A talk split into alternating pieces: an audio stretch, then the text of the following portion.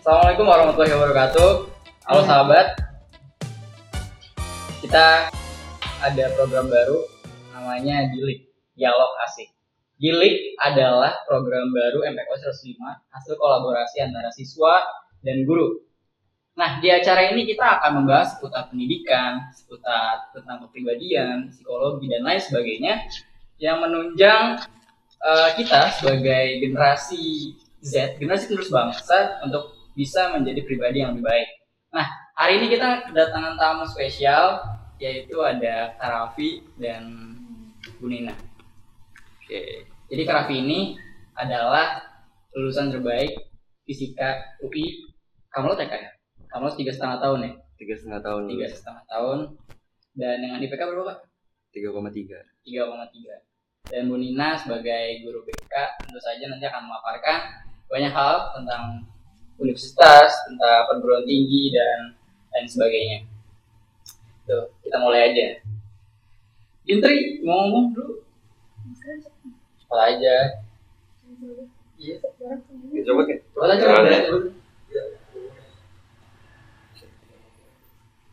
Coba aja. Ya, mungkin kita kita dulu kan nih Karafi dulu gimana nih kak? Uh, SD gimana SMP terus SMA sampai bisa masuk UI itu Perjalanan hidup lah ya. ya Gitu. itu dari kecil gimana. Kalau dari kecil sih kayaknya terlalu jauh ya. Kayaknya gue bakal cerita dari ini gue lu aja ya, Oh, apa ya? oh, oh. Biar asik aja. Eh gue cerita dari zaman SMA aja ya kali ya bu. Jadi dulu tuh pas SMA sebenarnya gue itu orangnya kayak orang SMA pada umumnya lah. Gue masih suka main, masih suka ngeband, jalan-jalan sama teman-teman gitu. Itu dari kelas 10 11 lah. Nah, habis itu eh, gue kelas 11 akhir itu udah mulai tercerahkan lah. Gue terpikirkan kalau misalnya gue mau jadi apa sih nih di masa depan nanti. Gue harus tahu dong tujuan gue mau ngapain gitu. Terus akhirnya pas kelas 11 akhir itu eh, gue googling dong universitas mana sih yang fit sama gue, yang cocok sama gue. Gitu. Akhirnya gue menemukan teknik mesin UI mesin mesin mesin UI dulu tuh pengennya mesin UI karena ya cocok lah sama gue gitu. singkat cerita eh, udah mulai kelas 12 nih nah kelas 12 ini gue merubah hidup gue 180 derajat di mana U- dulu dikenal Ucit yang suka main jadi Ucit yang suka Ucit nama Ucit Ucit nama gue. Oh ya pernah dulu nih nama gue. Ucit gue panggilnya Ucit Raffi Tauhid Muhammad Raffi Tauhid dulu. Panggil Ucit teman-teman gue. Nah, ya udah tuh kelas 12 itu eh, gue merubah hidup gue dari yang Ucit yang suka main jadi Ucit yang suka ke masjid. Nih ke atas ini masjid sini jadi setiap pagi itu gue jam 10 yang biasanya istirahat gue malah sholat duha gue merubah hidup gue tuh. Iya jadi setiap hari kerjanya pagi sholat duha siang sholat duhur doa terus deh pokoknya. Nah untuk belajar itu gue juga berubah. Dari yang dulu yang main doang sekarang kelas 12 itu pulang sekolah les. Les GO oh, nah kelar les GO konseling lagi di GO nya sampai malam tuh. Udah tuh dari kelas 12 kerjanya eh, belajar doa belajar doa aja sih ya kan? Lu juga ntar ngasain deh gimana kelas 12 tuh pasti lu berubah gitu. Nah singkat cerita nih sampai ke pengumuman SNMPTN ya dulu di di pengumuman kan kayak dikasih tahu nih siapa aja nih yang dapat kuotanya. Dulu ada kuotanya kan Bu. kuota SNMPTN siapa siapa aja nih. Di situ gue shock. Gue nggak dapet kuota SNM Iya, stres banget tuh kayak, wah ini gue gagal banget jadi manusia kayaknya. Lama kayak gitu kayak, wah, gak dapet kuota SNM, terus gue punya impian mau ke teknik mesin UI ya, mikir juga gitu kan. Tapi gue pikir kayak gue bertanya-tanya dalam diri sendiri, eh, kenapa gue bisa gini ya? Terus kayak, oh berarti emang bukan jalan gue di situ gitu, bukan bukan jalan gue dapet SNM gitu. Ya udah dari situ gue kayak tetap gue masih masih sholat duha masih di atas masih sholat pagi terus juga masih belajar. Nah singkat cerita eh di abis SNM tuh ada pembukaan formulir PPKB ya ya, ya di situ eh, uh, daftar lah PKB tuh minta ke Bu Nina. Bu saya mau ikut daftar PKB gitu kan. Terus gue uh, cari tahu jurusan apa aja sih yang ada gitu kan. Teknik mesin ada tuh. Nah, kan gue penasaran ya apa gue ambil teknik mesin aja ya? tapi dalam hati itu insecure. Karena teman-teman gue nih yang ranking satu paralel, ranking dua paralel, itu udah ngambil juga kan, PKB juga dan semuanya ngambil teknik. Terus gue kayak mikir ya, apa gue gak mungkin nih deh ngambil teknik? Ya udah terus kayak mikir apa nih yang masih berhubungan dengan teknik mesin gitu kan, ambillah fisika gitu, karena gue ambil fisika, terus uh, sampai ke pengumuman, alhamdulillah ya bu ya. Shock tuh juga shock lagi shock terapi banget kan gue dia bisa terima gitu kan? Itu hanya satu-satunya ya? Satu iya. iya satu satu satu. Satu satunya gitu. Gue kaget banget kan gue verifikasi lima kali nih web UI ini gue penasaran nih gue bener gak sih dapat itu ambil lima kali gue refresh? Bener alhamdulillah dapet. Satu-satunya uh, angkatan gue yang S1 tuh fisika. Ya udah tuh dari situ sisanya tuh vokasi ya bu saya vokasi kan? Satu kasih sudah udah dari situ gue uh, dalam dalam diri gue kayak oh ya ini berarti pemberian Tuhan ke gue gitu. Nggak boleh gue sia-siain tuh. Ya udah dari situ ke kuliah itu gue benar-benar merubah hidup gue lagi yang menjadi uh, ucit yang semangat gitu. Jadi di kuliah tuh gue karena dulu kan kayak dulu nilai fisika gue tuh dari SMA nggak gitu gitu gede gitu boleh sebutin nggak boleh sebutin Iya, jadi nilai gue tuh dari kelas 10 11 tuh cuma 78 78 78. Okay. Tapi naik tetap. Ah. Nah, di kelas 11 12 itu nilai gue udah uh, 89. Jadi ujian sekolah gue, ujian sekolah gue tuh fisika 90 nilainya. Jadi benar-benar belajar total lah di kelas 12 tuh. Nah, ya udah terus di di perkuliahan tuh uh, ke bawah tuh semangat itu kan. Ya udah gue lanjutin aja nih nggak boleh gue sia-siain dong. Apa? Kesempatan ini udah dikasih sama Allah gitu. ya udah gue jalanin kuliahan masih gue masih tetap aktif gitu di kuliah masih ada organisasi. Jadi kan kalau di kuliah itu nggak cuma belajar doang gitu. Pasti ada organisasi juga kepanitiaan segala macam nah situ gue masih ikut juga masih jadi ketua ini ketua itu. Alhamdulillah gue di semester 7 kemarin udah nyelesain skripsi gue tuh alhamdulillah tiga setengah tahun uh, gue kelar skripsi gue. Uh, gue masuk ke uh, biomaterial. Jadi kayak mempelajari pengaplikasian fisika di medis. Oh. gitu. okay.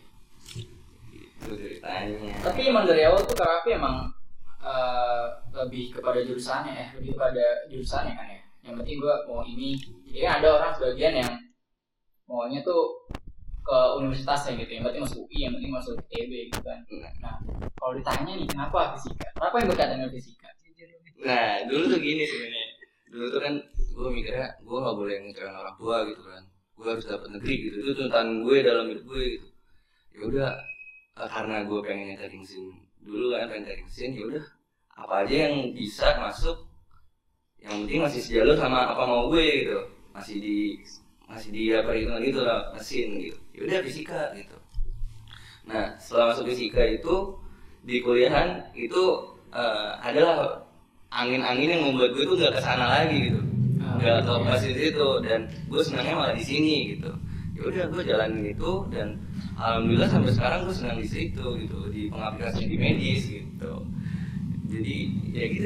Tapi ini fisikanya ada ada lagi ya enggak bukan fisika. Gue belajar fisika ya belajar fisika aja gitu. Jadi Enggak. ada jurusan lain lagi. Ada penjurusan lagi. Jadi di fisika itu nah, ada banyak. Ternyata tuh ada. Pertama ada fisika nuklir partikel.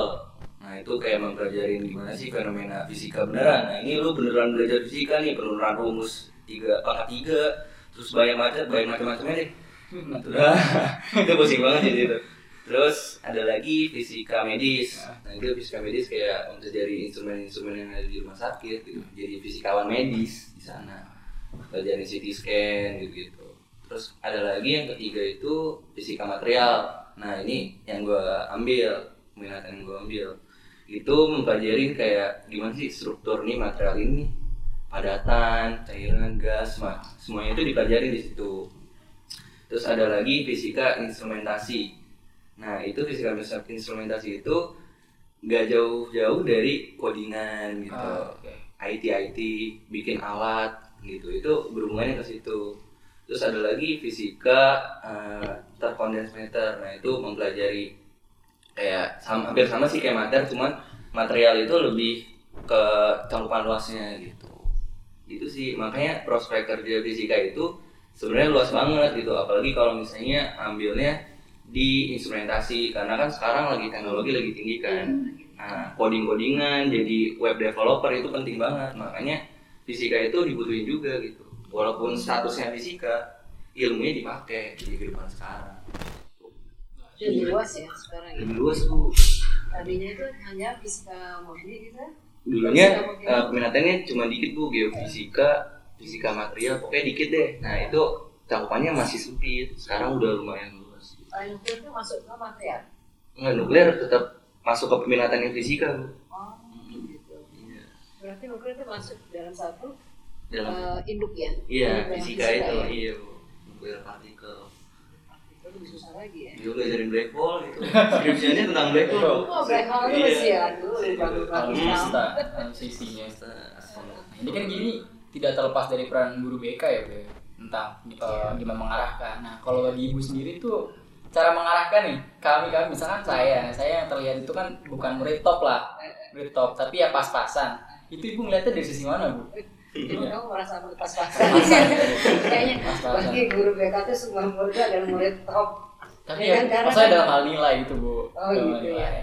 Kalau kalau BK itu melihat anak itu spesial. ya. Setiap anak itu pasti punya bakat lah, punya bakat sendiri-sendiri kan.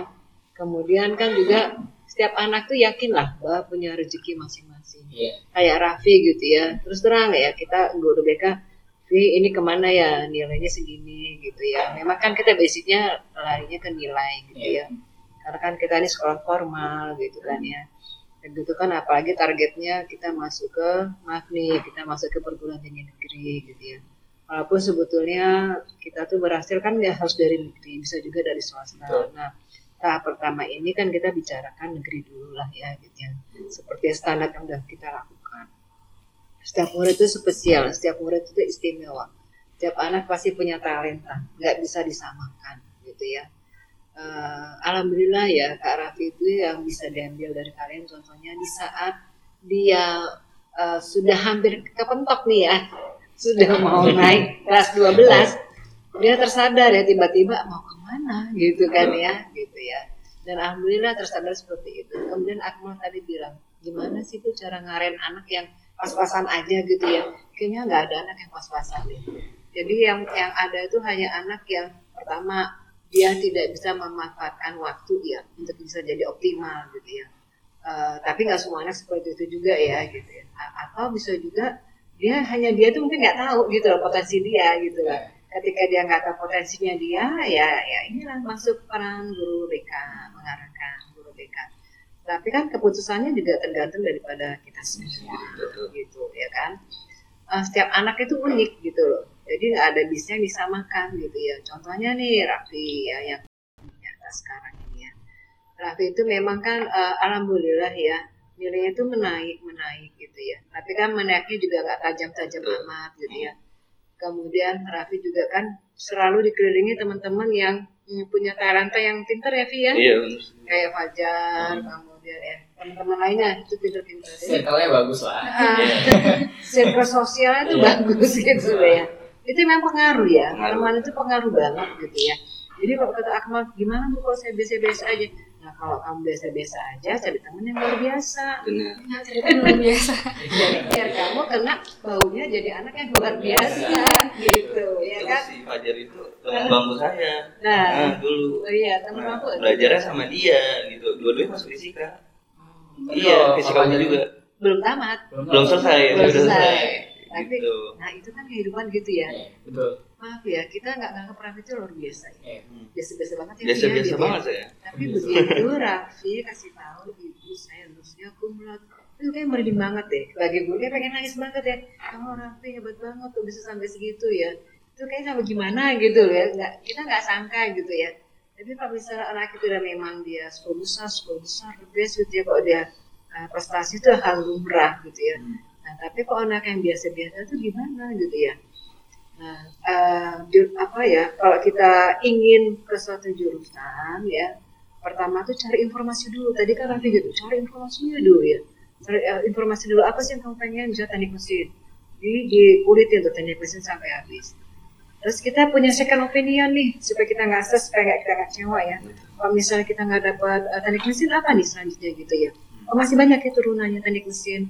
Ada fisika, misalnya ada komputer, kemudian masih juga ada teknik elektro, kan masih ada hubungannya gitu ya. Kemudian masih ada teknik komputer, karena kan fisika juga ternyata dipelajari juga itu ya, teknik komputer ya, seperti itu. Jadi kalau kita yang merasa tuh anak biasa-biasa aja, alhamdulillah ya, Akmal merasa anak biasa-biasa aja. Itu alhamdulillah ya. Berarti di situ Akmal harus mencari tahu gimana sih supaya menjadi anak yang luar biasa. Gitu. Ya kan? Cari informasi sebanyak mungkin. Setelah cari informasi sebanyak mungkin, kemudian kan kita di sini maaf ya kalau kita negeri kan kita ada psikotes ya Mal ya. Iya. Nah, dilihat itu dari hasil psikotesnya gitu ya. Mana yang paling dominan nih buat kamu gitu ya. Eh, Nggak juga misalnya kayak Raffi gini, Vi, kamu ambil eh, teknik eh, mau ambil fisika, tapi kamu ini nih paling tinggi kan kalau misalnya gini ya, Raffi paling paling eh, dia itu paling tinggi nilainya di bahasa ya dibahas misalnya di bahasa tapi dia ngotot misalnya teknik mesin gitu kan ya itu kan suatu hal yang beda gitu kan ya gitu Eh, tapi ya kadang-kadang satu tambah satu tuh nggak hanya jadi dua ya di kehidupan ya Iya. itu bisa satu tambah satu bisa jadi empat bisa jadi banyak gitu ya. apalagi sekarang ini ya kita tuh eranya tuh harus era yang siap menerima perubahan apa pun Betul. betul. Iya kan? Nah, yang mau ber- yang mau merubah, yang mau ikutin perubahan gitu ya, insya Allah dia akan bisa jadi anak yang survive. Tapi kalau dia tidak mengikuti perubahan gitu ya, nah dia akan seperti anak yang katak dalam tempurung. Dia merasa dirinya hebat banget gitu ya. Tapi sementara yang lain itu sudah maju lebih dulu.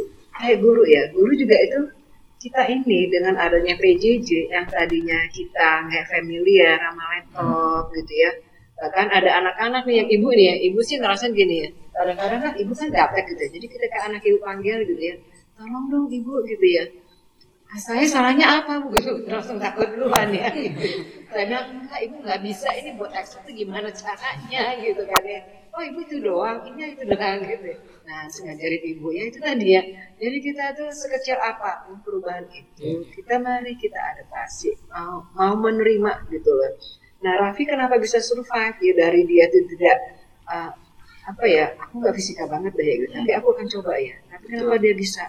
Karena dia mau menyesuaikan diri, Betul. adaptasi.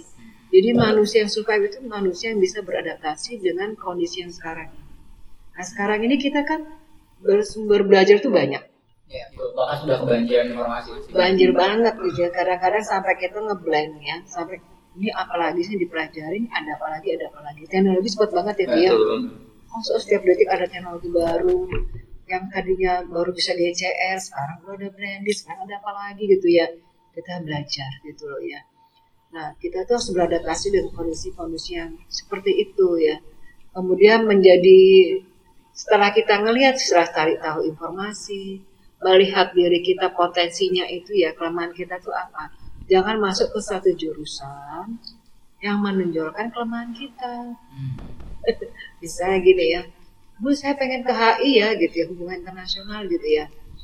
Terus eh kasarnya nih ya bahasa kamu seperti apa sih? gitu ya. Karena kan kom- eh, hubungan internasional kan tuh basicnya juga berkomunikasi kan gitu.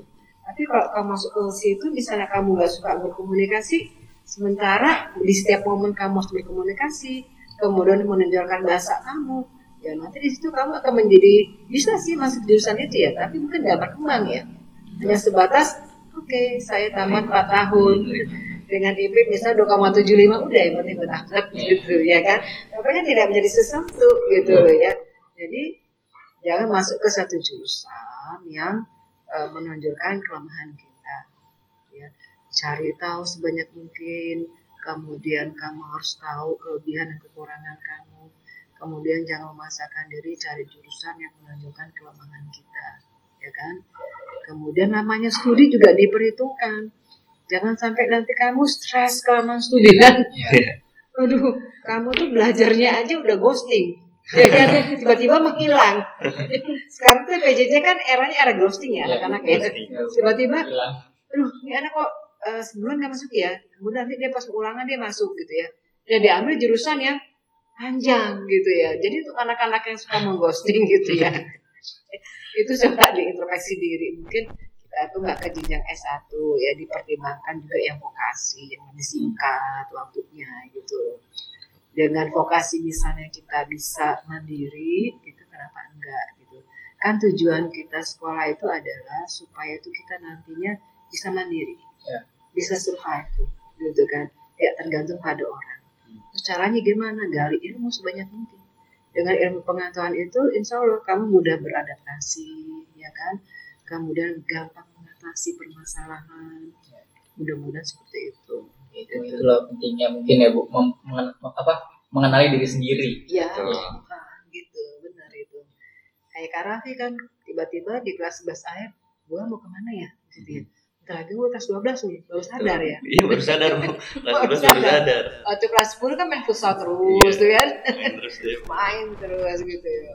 tapi pernah gak sih kak kayak aduh gua salah jurusan nih pernah gak sih kayak aduh gua salah jurusan nih Itu enggak maksudnya itu enggak pernah terlintas di otak gue karena gue udah bersyukur duluan gitu. Maksudnya Iya jadi mau gimana pun gue harus bersyukur di sini gitu. Itu pernah ada kayak eh, pemikiran aku SBM lagi kali ya teknik mesin. Tapi gue nggak nggak ngambil karena gue pengen nikmatin apa yang dikasih Tuhan Allah. aja Betul. gitu. ya sama aja gak bersyukur ya Iya sama aja nggak bersyukur gitu. Gitu sih. bang Tapi ibu sendiri lihat Kak Raffi dulu sekolah gimana bu? Waktu kelas 1. Iya, Kita mulai kelas 1 ya. Kan kebetulan kan ibu kan ngikutin ini kelas 1 ya. Waktu kelas 10 pecijalan ya. Maksudnya pecijalan gitu. Dia ini termasuk anak yang harus ada kegiatan gitu loh ya. Nggak bisa diem gitu ya. Jadi ya alhamdulillah sih kalau rajin ke futsal sih nggak apa-apa gitu ya. Jadi nanti udah pulang sekolah gitu masih ngumpul di rumah temannya. Nanti hari Sabtu misalnya oh nggak istirahat ya masih ngumpul lagi di rumah Iya. temennya. Ada pasti ada Iya, gitu. kegiatan ya kan sih Iya betul. Ya kegiatan apa lagi gitu loh ya tapi nggak apa-apa sih es oke ya karena bergaul itu juga penting sih Iya. ya kan karena kan kita malah sosial tetapi di garis bawah ini sosial circle-nya tempat temannya itu juga harus dipilih-pilih gitu ya. Apalagi kan di era PJJ kayak gini ya. Kalau kita nggak pilih teman gitu ya kita nggak kuat mental jangan-jangan nanti kita juga keikut dengan kegiatan yang yang negatif gitu. Iya. Nah kalau Kak Raffi itu alhamdulillah ya biarpun dia tuh main tapi dia bermainnya juga cantik ya. Maksudnya dia pilih-pilih teman yang mana yang anak pintar gitu ya ya, ya. Iya. yang, yang kira-kira Bisa ngajarin gitu, gue nih iya. gitu ya Betul. ini Bisa belajar gitu yang penting. jadi Raffi itu mendekat ke orang siapa yang bisa ngajarin gue ya gitu itu aja ajas manfaat yang bagus gitu ya bukan berarti kita kita tolong Bukan dong manfaatin bu, tapi pengen belajar pengen aja. belajar gitu. ya bukan berarti misalnya eh contekan-contekan enggak enggak kayak gitu ya tapi dia belajar ini gimana sih caranya gitu ya nah dari situlah mungkin mereka akhirnya punya suatu pergaulan Hmm. Apalagi Kak Raffi ini sampai sekarang tuh masih deket ya dengan teman satu kelasnya ya Iya, dan satu masih. kampusnya Hmm, juga gitu ya itu dulu Kak Raffi tuh malah belajar ya sama dia ya belajar banget gitu ya teman kelompoknya gitu ya tapi alhamdulillah Kak Raffi itu lebih cepat duluan lebih menonjol Kadang gitu karena keseriusannya Keseriusan. gitu. Kemudian eh, kita komitmen, Pak Karfi buat komitmen. Jadi kalau dia udah itu ya udah itu aja, nikmati dan bersyukur. Kan Syukur. tadi dibilang itu Iya. orangnya bersyukur ya. Udah alhamdulillah saya diterima di sini, udah saya nikmati. Mungkin ini jalannya Allah untuk eh, Raffi gitu. bagaikan mimpi sih itu bu maksudnya iya sih nggak nggak percaya aja gitu awalnya bisa dapat alhamdulillah bisa dapat terus jalanin aja dengan senang gitu gitu sih Dan itulah ya perjalanan orang kan nggak akan Iya, pernah kita tahu kan. Iya, betul. Ibu juga eh, maaf ya Pi, misalnya, eh Raffi tiga setengah tahun Pi gitu. Bener Pi gitu. Iya. Emang itu gue Bener Pi gitu. Kalau misalnya maaf nih kalau Raffi misalnya selalu the best, the best gitu ya. Oh udah biasa. Ya kamu kan juara kelas kan, kan juara satu terus kan, ya udah biasa gitu ya. Tapi kalau ini kan, ah luar biasa. Tapi ya itu bu tadi saya sempat bilang di awal kalau misalkan dulu kita masih belajar tatap muka itu bisa teman sebangku tuh gimana sih bro iya ya soalnya sharing gitu kan nanti kalau saya bisa apa nanti dia minta itu nanti kalau dia bisa apa saya minta gantian. Tapi kalau sekarang susahnya itu kak Bu. iya ya aduh bro nomor ini tinggi gimana bro? Nomor 8 matematika 2 I. misalkan eh, yang materi integral integral 3 nomor 8 gimana caranya misalkan. Itu enggak ini bu. Mungkin karena capek jelasinnya gitu ya. Jadinya ya Langsung cuma kirim sekedar kasih jawaban cekrek nih. Punya gua itu jadi kita sendiri Jadi harus kita memulai tinggal nyalin. iya kita penjelasan. sebenarnya bisa. Kalau misalkan dari saya sendiri saya bisa untuk nyalin itu. Cuma saya mikir nanti gue ulangan gimana kalau gue nyalin gitu kan. Nah. jadi kita mau nggak mau semurah itu dapat dari mana jawabannya kan kak? Gitu. jadi Raffi tips-tipsnya apa? Kayak gitu itu pas kuliah kok PJJ Kalau pas kuliah pas PJJ sih eh, PJJ-nya kan saya dapatnya akhir-akhir ya Bu. Jadi kuliahnya tuh cuma dua mata kuliah Bu. Sama skripsi doang. Sisanya sih saya masih kuliah biasa gitu. Oh, Kalau mm-mm. kalau kuliah biasa sih ntar kan di kuliah itu pasti ketemu orang-orang baru ya maksudnya dari yang Iya. daerah dari sini. Itu cara belajar tuh beda-beda gitu. Dan kalau menurut gue tuh cara orang belajar itu beda-beda. Kalau gue sendiri itu kalau di kelas gitu ya itu gue nyatet dulu. Nyatet dulu apa yang disampaikan yang penting-penting gue catet. Kalau misalnya ada yang menarik dari catatan gue gue pelajarin. Itu di kuliah. Kalau di SMA sih enggak dulu. Nyatet aja dulu di SMA tapi pas di kuliah itu berubah. Udah nyatet. Kalau yang menarik gue pelajarin gue bahas sama temen gue gitu. itu setiap abis kuliah gitu. Emang dari dulu mau udah interest ke fisika ya? Iya sih? Iya, iya, ke emang situ lah ya, iya. emang situ arahnya. Beda lagi ceritanya kalau misalkan dari SMA pun udah aduh IPA biologi gua gak bagus fisika gua gak bagus kimia gua paling gak bagus terus gimana? It- itu kemauan sih sebenarnya. Kemauan kalau kemauan lu tuh kuat nih itu pasti bakal selesai-selesai juga gitu. Serius itu kayak itu gue tersadar pas udah masuk kuliah gitu. Gue harus bisa nih gue harus bisa. Itu bener ke, ke mindset sendiri ke dalam diri itu sendiri. jadi ini ya bu. Saya jadi di, di- Iya. saya, saya merasa dipalu ya. Iya. Kayaknya kita tuh harus mensugesti diri kita. lu sugesti Seperti kata si Raffi kan, Wah. harus bisa, gue harus bisa. gitu. Karena kamu sugesti terus diri kamu, sehingga kan otak bawah sadar tuh akan bekerja ya, sesuai dengan sugesti kamu. Jadi kamu gak mau gagal gitu, kayak Raffi juga gak mau gagal, karena udah masuk ke situ kan. Nah akhirnya bisa, jadi sugestinya itu gue bisa, gue bisa, gitu loh. Jadi jangan, aduh gue bisa gak ya, gue bisa gak ya, ntar gak bisa beneran gitu. Iya, bener. Karena sudah sudah sama sama ini sih eh, cari motivasi kenapa lu harus ngelakuin itu gitu gue kuliah karena motivasi gue gue pengen banggain banget orang tua gue Nah itu dia. itu motivasi Dari dulu gitu. Mm-mm. Iya. makanya itu harus dibuat dulu kalau misalnya lu bingung nih ngejain biologi gitu-gitu lu cari motivasi aja dulu gue Kenapa kenapa harus bisa gitu kenapa harus belajar gitu Iya. Jadi Kak Raffi itu dia anak yang dekat sama orang tua. Sama mamanya terutama Iya. dekat banget gitu. Jadi dia itu selalu berusaha bagaimana menyenangkan orang tuanya, membuat bangga orang tuanya. Dan itu dia wujudkan gitu, dia wujudkan gimana ya saya bisa membanggain orang tua gitu ya. Terus terharu ya kita kalau dengar kayak gitu ya. Kalau udah bahasa yang Anak saya zaman sekarang, anak zaman sekarang? Kayak misalkan kalau misalkan saya nih misalkan saya kan eh, tergolong dekat juga sama orang tua kan terutama sama ibu. Kalau saya sendiri kan pasti kayak diarahin masuk sini aja masuk sini aja masuk nah kalau keraffi kan enggak masuk sini aja atau enggak masuk universitas sini aja biar dekat atau enggak kamu sini aja dulu deh gitu biar kamu ntar jadi gini gini gini gitu sih. Kalau gue orang ini dulu orang tua. Oh. jadi orang tua gue ini gue ikutin. Karena karena beda sama nah itu kalau menurut gue sih kuncinya jangan pernah ngebantah orang tua sih. Wah iya. Karena doanya itu juga kuat banget itu. Betul. ikutin aja udah apa sama orang tua dengerin lu ikutin. Lu bahagiain dia lah gitu. insya Allah lu sukses. Insya Allah. Gitu sih bang.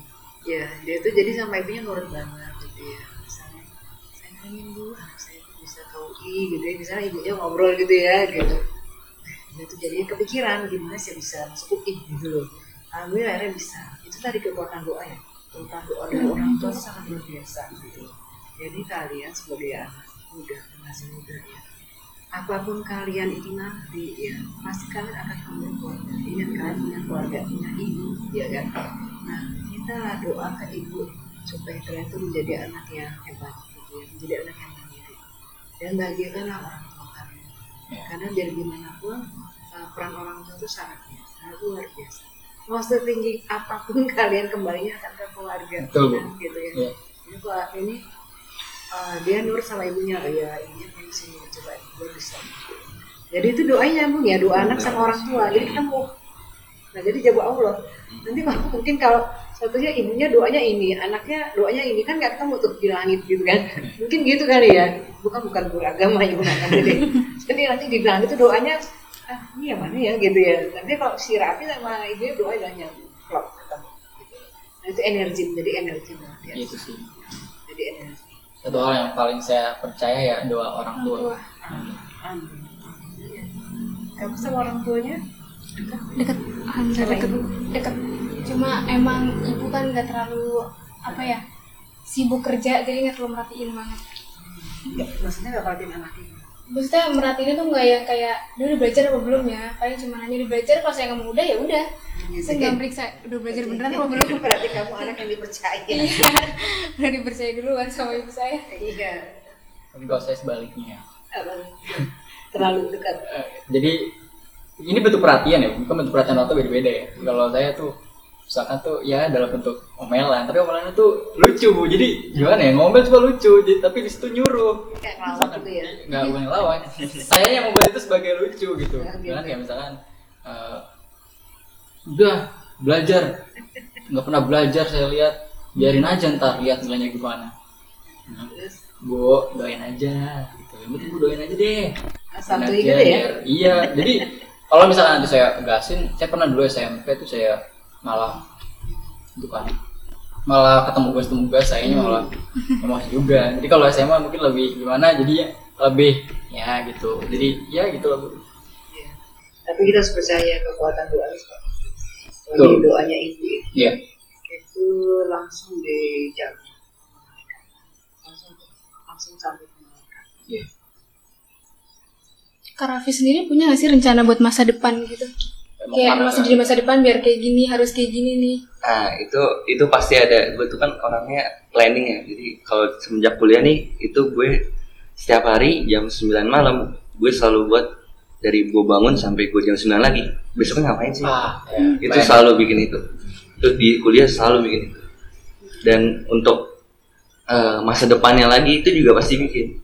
Di tiga tahun lagi gue harus di mana nih sekolah. Gue kan mau lanjutin S2 ya. Nah kemarin udah daftar dan pengumuman tanggal 23 besok insya Allah. Nah setelah S2 itu ada rencana sih kayak pengen lanjut ke iya dokter lagi. Tapi ya itu masih rencana gitu kan. Seiring jalan waktu kan ada aja rencana yang pasti diubah-ubah gitu kan. Gak mungkin sesuai apa yang kita pengen gitu. Nah nanti pokoknya yang penting udah direncanain dulu gitu. Tapi kalau untuk karir bisa mau kerja di LIPI atau jadi peneliti atau jadi apa gitu kak Karir alhamdulillah sekarang juga udah kerja di Ristek Dikti RI. oh Iya, dari tahun 2019 sampai sekarang itu jadi asisten peneliti gitu di sana. Stek Ristek LIPI kan? Dikti. Ya, Vi? Bukan Kementerian? Bu, Kementerian Ristek Kementerian Dikti. Itu yang ya? Teknologi Riset. itu walaupun kak Raffi belum lulus tuh Iya, udah dikontrak dulu gitu. oh. Itu semua teman atau cuma kak Raffi aja Saya doang. Alhamdulillah. Di Senayan kan Tiara sih. Bukan. Iya di daerah situ BCBD. Gitu. Nah, terus juga sekarang alhamdulillah eh, jadi kepala lab juga di fisika gitu. Fisika UI. Ya. Jadi masih suka balik kampus. banyak banget yang bisa kita ambil dari ceritanya Kak Raffi, dari ceritanya Unina. Ini teman-teman, teman-teman mungkin nanti bisa eh, apa tanya-tanya seputar perguruan tinggi ke Bu Nina karena Bu Nina kan guru BK kita gitu ya. Coba tahu nanti di antara kita ada Kak Raffi selanjutnya. Amin. Terima kasih banyak buat Kak Raffi, Bu Nina udah menyempatkan waktunya buat hadir. Semoga ini semua dapat menginspirasi teman-teman yang menonton nanti. Saya Fadil Nugroho undur diri. Saya Trika Malasari pamit undur diri Terima kasih. Wassalamualaikum warahmatullahi wabarakatuh.